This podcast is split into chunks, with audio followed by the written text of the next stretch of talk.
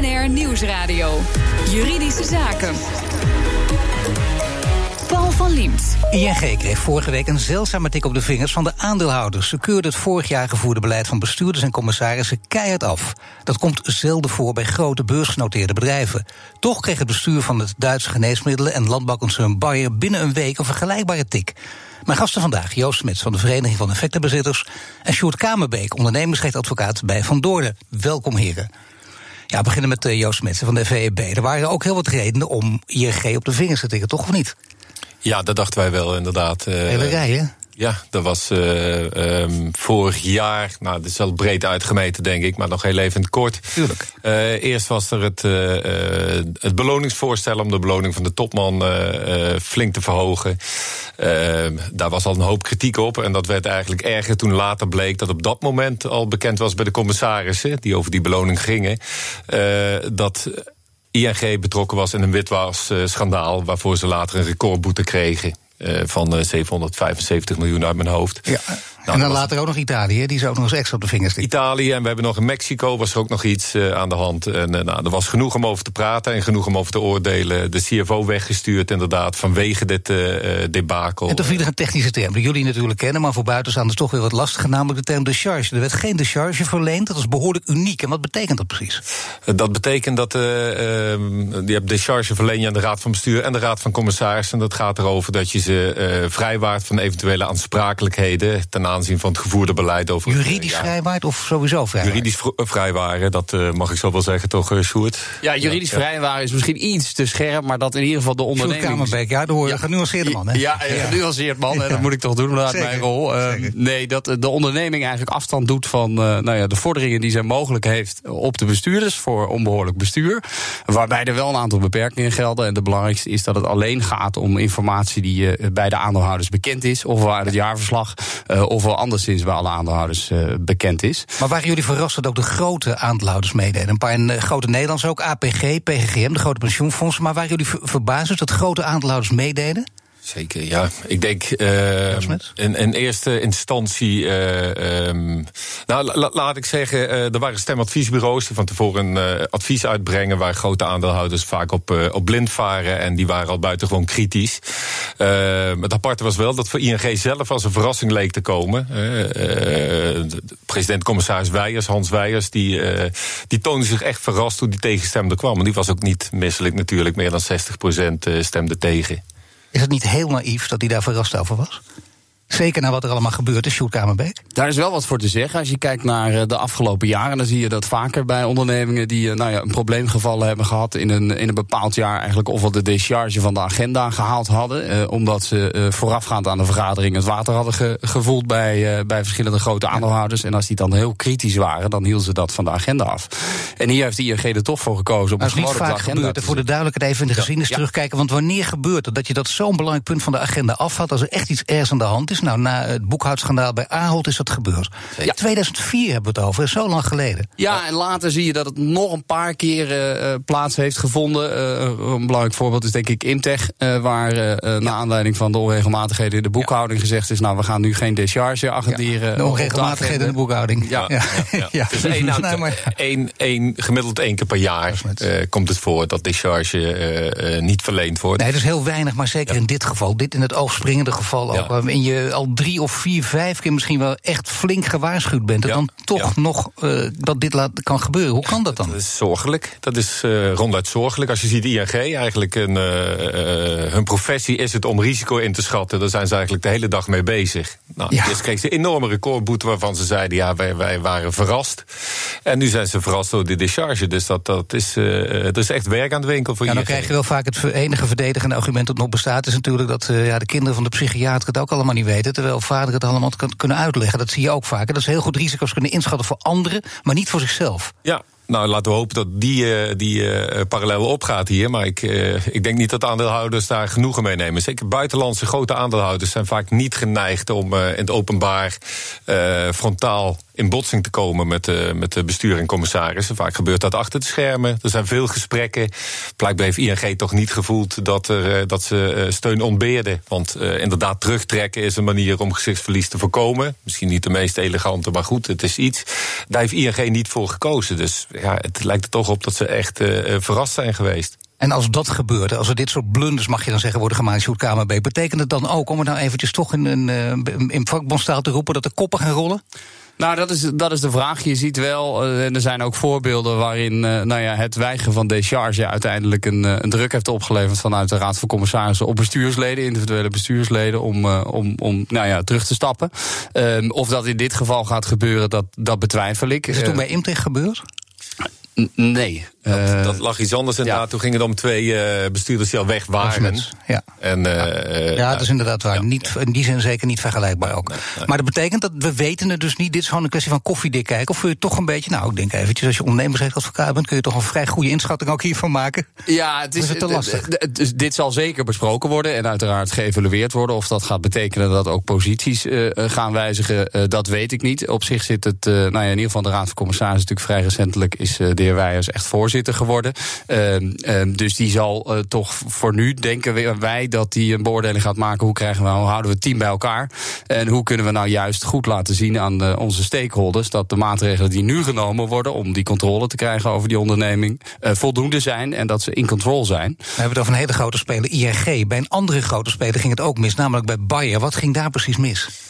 Joost Ja, daar, uh, ook Bayer heeft vorig jaar een, uh, een grote overname gedaan. Het is een sector die erg consolideert. Het was een uh, bedrijf dat vooral aan de, aan de farmaciekant, aan de gezondheidszorgkant zat. En ze hebben zich in de agritech ingekocht door Monsanto te kopen. Nogal bedrijf met nogal beschadigd imago vanwege Roundup. Dat weet iedereen precies, ja, maar nog even, maar niet weer precies wat Roundup is. Wat is dat ook alweer? Dat is een, een onkruidverdelger die ook veel gebruikt wordt op industriële schaal. En daar zit een middel in, uh, glyfosaat. En daarvan is het. Uh, daarover zijn de meningen verdeeld. Kan kankerverwekkend zijn? Kan, kan kankerverwekkend zijn. Bayer zegt van niet. Komt met heel veel onderzoeken aan, wetenschappelijk onderzoek. Andere partijen zeggen van wel. En er zijn heel veel claims in Amerika. Meer dan, nou, ik dacht iets van 13.000. Waarin dus klachten zijn van mensen die. Ook claims die toegekend zijn? Zijn ook al claims toegekend, ja.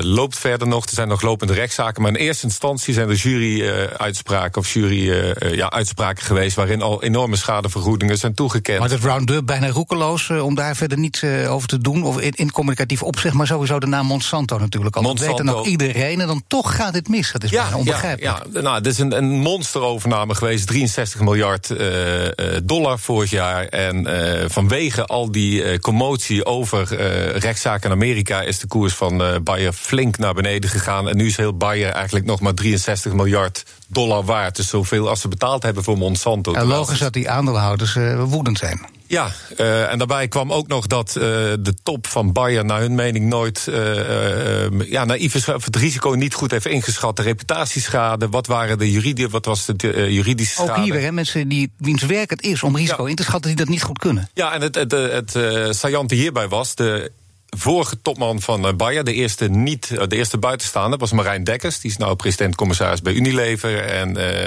het verhaal gaat dat hij absoluut niet aan Monsanto wou beginnen. En zijn strategische man, Werner Bouwman, dat is nu de topman. En Dekkers had zijn hielen nog niet gelicht. Of die overname die kwam meteen weer ten tonele. En die is uiteindelijk doorgedrukt. Aandeelhouders waren er ook erg tegen. Niet zozeer alleen omdat Monsanto, maar vooral vanwege strategische een strategische analyse. Aan de ene kant hadden ze, ja, wat hebben we nou? Zitten we nou in een gezondheidszorgbedrijf? Of zitten we nou in een bedrijf dat zit op uh, zaden en bestrijdingsmiddelen? Ineens dachten ze van, waar, waar beleggen we nu eigenlijk in? Dus ieder geval een nieuwe afdeling communicatie oprichten daar. Ja, er was al heel veel sepsis. En uh, nou, wij hebben als VB Bayer er ook een brief over gestuurd om vragen te stellen over het hele Monsanto-verhaal. Uh, nou ja, er is enorm vergaderd de afgelopen tijd. En daar vergaderen het... duurt lang, hè? Want ik bedoel, ING was het al vijf uur vergaderd, maar bij Bayer duurde dat 13 uur. Ja, ja, ja dat is toch... Ja. eh, Dat geeft al voldoende aan, denk ik. eh, ja, hoe, hoe discutabel en hoeveel discussie er is geweest tussen de aandeelhouders. Wat wel interessant is bij Bayer, is dat eigenlijk het bestuur en de raad van commissarissen is publiekelijk in discussie gegaan eh, met de aandeelhouders. Dus naar aanleiding van een aantal adviezen van stembureaus, die inderdaad negatief waren over de decharge,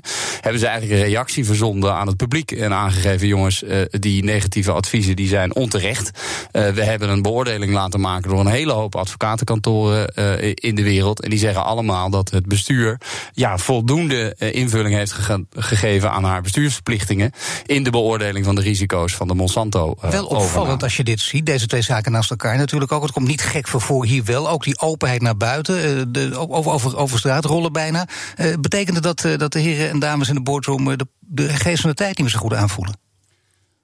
Ja, daar, daar, zijn wel, ja, daar kan je wel vragen over stellen. Dat in het Eh, ook- verleden ook- kon dit allemaal. En, dachten ze, en dat ze nu misschien met elkaar ook zo zitten te overleggen. Nou ja, daar, daar komen we wel weer uit. Dat zag je bij ING inderdaad eh, al eerder, ook op andere momenten. En dan niet in de gaten hebben dat we in een andere tijd leven. En dat er dus ook andere waarden normen gelden, andere codes ook gelden. Ja, je ziet dat, eh, dat, dat bestuurders, maar ook in bredere zin, niet alleen bij Bayer en ING, dat dat, dat, dat lastig is. Eh, eh, de stem en de communicatie over wat er allemaal gebeurd is, is veel opener dan een aantal jaar geleden. Dat heeft natuurlijk ook met internet te maken en de wijze waarop wij communiceren. En dat maakt wel dat je daar op een andere manier op moet reageren. Ehm, en misschien ook op moet inspelen. En dat je toch heel veel contact moet hebben met met name je aandeelhouders. Om ja, te peilen hoe zij in de wedstrijd zitten. Hoe En kan het bij Bayer, als we dit hele verhaal nu gehoord hebben, dat dan wel weer de Raad van Toezicht dat die wel de charge verleend is? Ja, men heeft toch echt gezien dat, eh, eh, dat eh, de, de, de, de CEO hier de, de doorslaggevende stem heeft gehad in het verhaal, in de, in de overname. Men heeft daar echt naar gekeken. Laten we niet vergeten dat ook de Raad van Commissarissen een flinke tik op de vinger heeft. Over Werner Bouwman.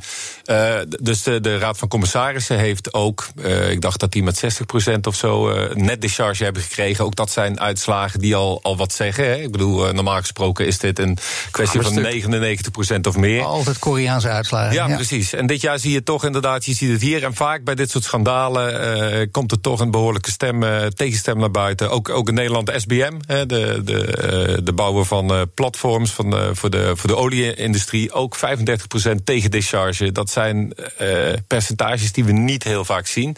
En je ziet daar toch dat met name grote beleggers daar toch actiever zijn. Flinke tik, maar doet de tik van de aandeelhouders echt pijn? Dat straks. BNR Nieuwsradio. BNR Juridische Zaken. Aandeelhouders willen bestuurders laten weten wat ze van het gevoerde beleid vinden. Bij ING en Bayer was dat afgelopen week twee keer een dikke onvoldoende. Mijn gasten, Sjoerd Kamerbeek van Van Doornen en Joost Smets van de VEB. De juridische waarde van het niet verlenen van de charge is beperkt. Eh, doet het een onderneming wel flink pijn of niet? Het is een heel duidelijk eh, signaal. En het doet de, de onderneming niet zozeer pijn. Als het al iemand pijn doet, dan doet het de bestuurders of de commissarissen pijn. Die mogelijk aangesproken kunnen worden door die onderneming. als er een wijziging in het management is. eh, eh, voor een onbehoorlijk bestuur. Maar wat betekent dat? Hoe kunnen ze aangesproken worden? Op wat voor manier?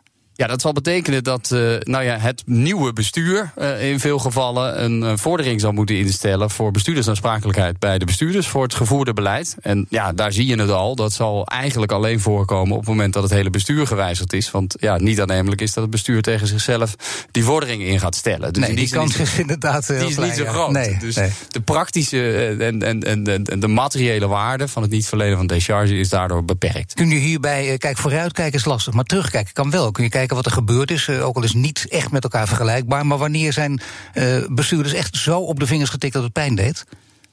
Eh, nou, er zijn meermaals procedures eh, bij verschillende ondernemingen opgestart om eh, bestuurders aansprakelijk eh, te houden. Hè. En de alle grote de dossiers, dus als we naar Imtech kijken, zijn de bestuurders aansprakelijk gehouden voor het gevoerde beleid. En daar komt ook weer aan de orde dat de decharge eigenlijk maar een hele beperkte rijkwijde heeft. Dus op het moment dat er bijvoorbeeld een faillissement is, dan kan een bestuurder niet een beroep doen op de eh, eh, eh, wel of niet verleende eh, decharge. Wel dan vaak. vaak doen ze het wel. Maar, Maar wat gebeurt er uiteindelijk met die bestuurders? Ik bedoel, worden ze in het ergste geval achter slot grendel geduwd? Worden ze alleen maar met pek en vier overladen? Wat, wat gebeurt er? Nou, die zijn, er zijn voorbeelden waarbij zij aansprakelijk zijn gehouden. Ook veroordeeld om een schadevergoeding te betalen aan de onderneming. Het kan zijn dat ze persoonlijk miljoenen moeten betalen? Ja, maar in veel gevallen zijn ze ook wel weer verzekerd. Dus dan zit daar een verzekeraar achter die uiteindelijk die, die uitkering, uh, minus een, een, nou ja, een eigen risico, om maar zo te zeggen, ja, draagt. Dus dat risico wordt Ik wel vaak weten, verlegd. waar het, dus in de praktijk betekende dat het met, met heel veel omhaal van woorden eigenlijk niet aankomt.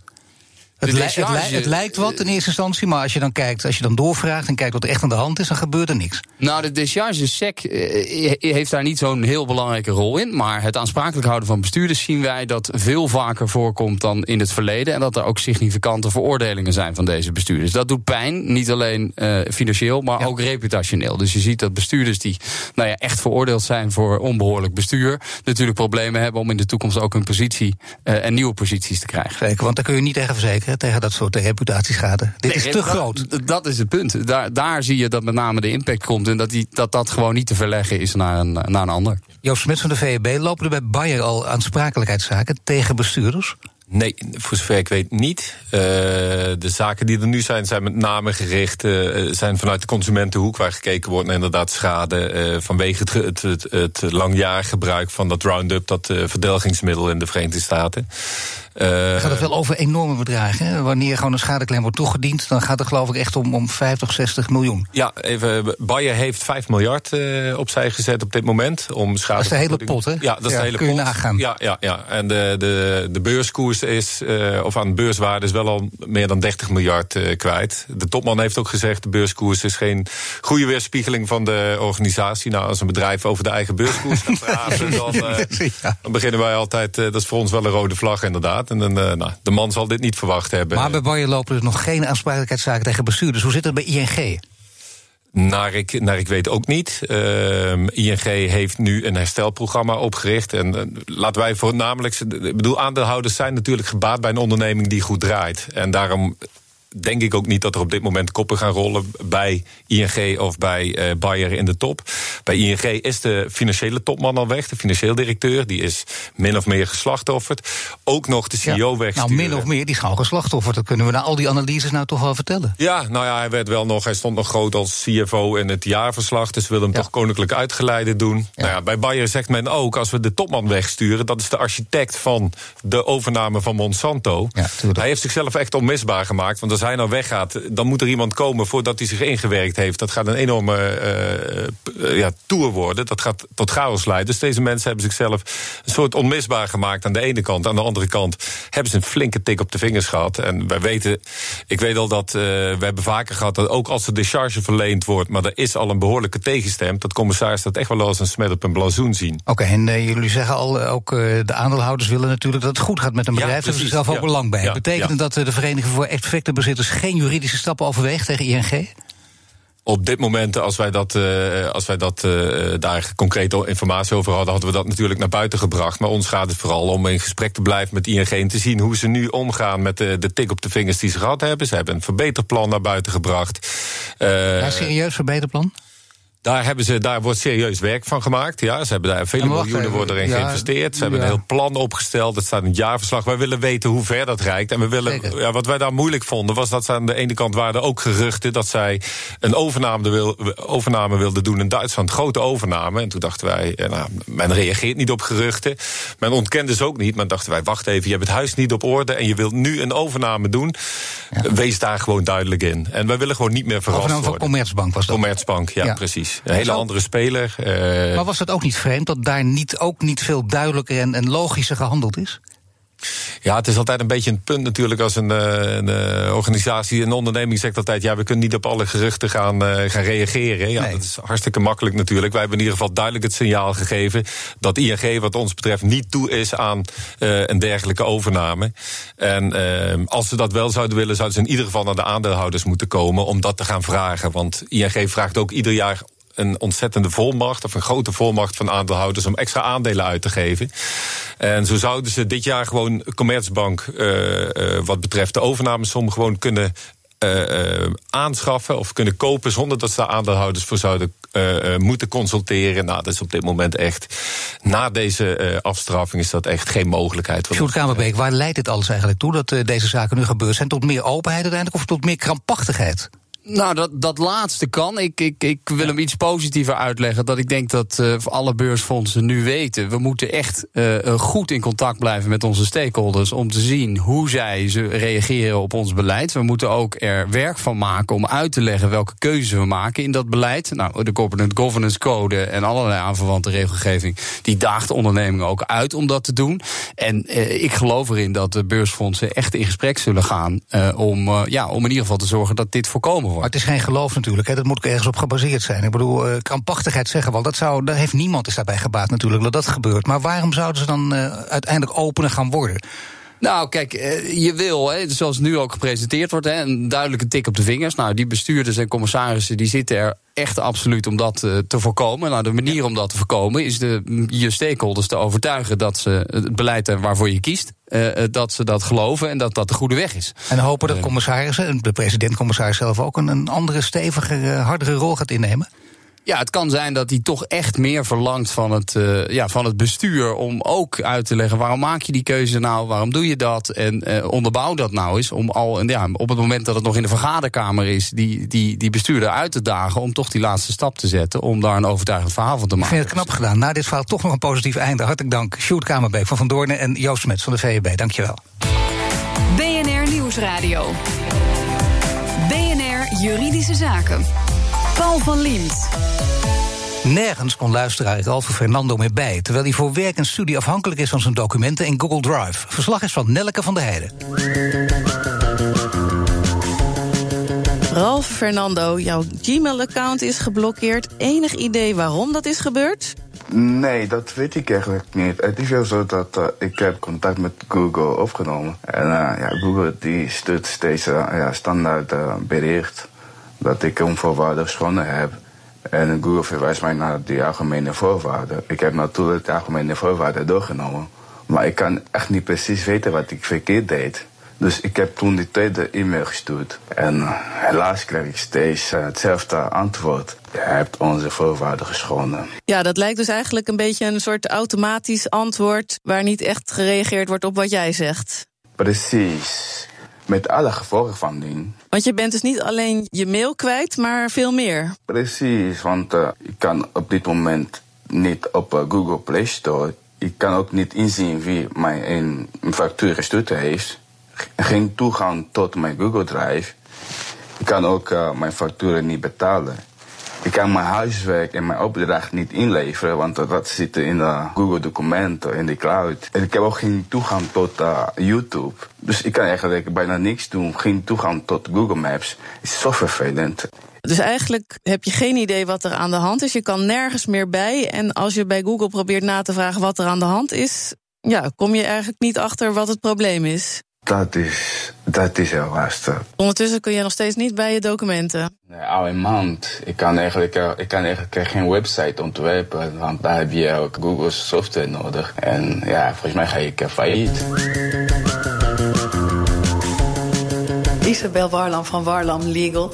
Wat kan Ralf Fernando nou doen om weer bij zijn gegevens te komen? Het meest laagdrempelige wat hij kan doen is bij Google verzoeken om inzage en om dataportabiliteit.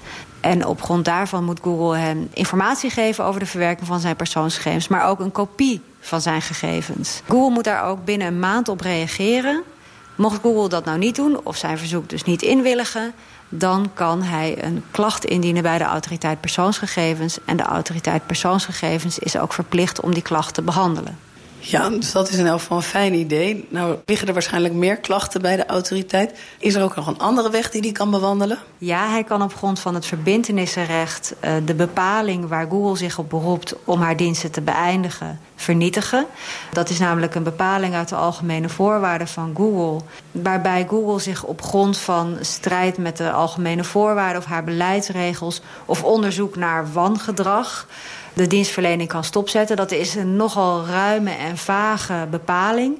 waar geen enkele rekening mee wordt gehouden... dat de beëindiging van die diensten voor consumenten een enorme impact heeft, daar moet Google rekening mee houden. En dat doet die bepaling niet. Daardoor kan je zeggen dat die beëindigingsgrond onredelijk bezwarend is en daarom vernietigbaar. En hoe moet hij dat doen? Hij kan die vernietigbaarheid inroepen door een buitengerechtelijke verklaring aan Google te sturen. Dat kan gewoon in een brief. Als die bepaling eenmaal is vernietigd, heeft Google dus geen grond meer om die diensten te beëindigen. Wat betekent dat Google die diensten moet hervatten en hem weer toegang moet geven. Als Google daar nou niet op reageert, dan kan meneer nog altijd naar de rechter en in kort geding op diezelfde grond toegang tot zijn account eisen. En voor de rechter kan hij zich overigens ook nog beroepen op zijn rechten onder de AVG.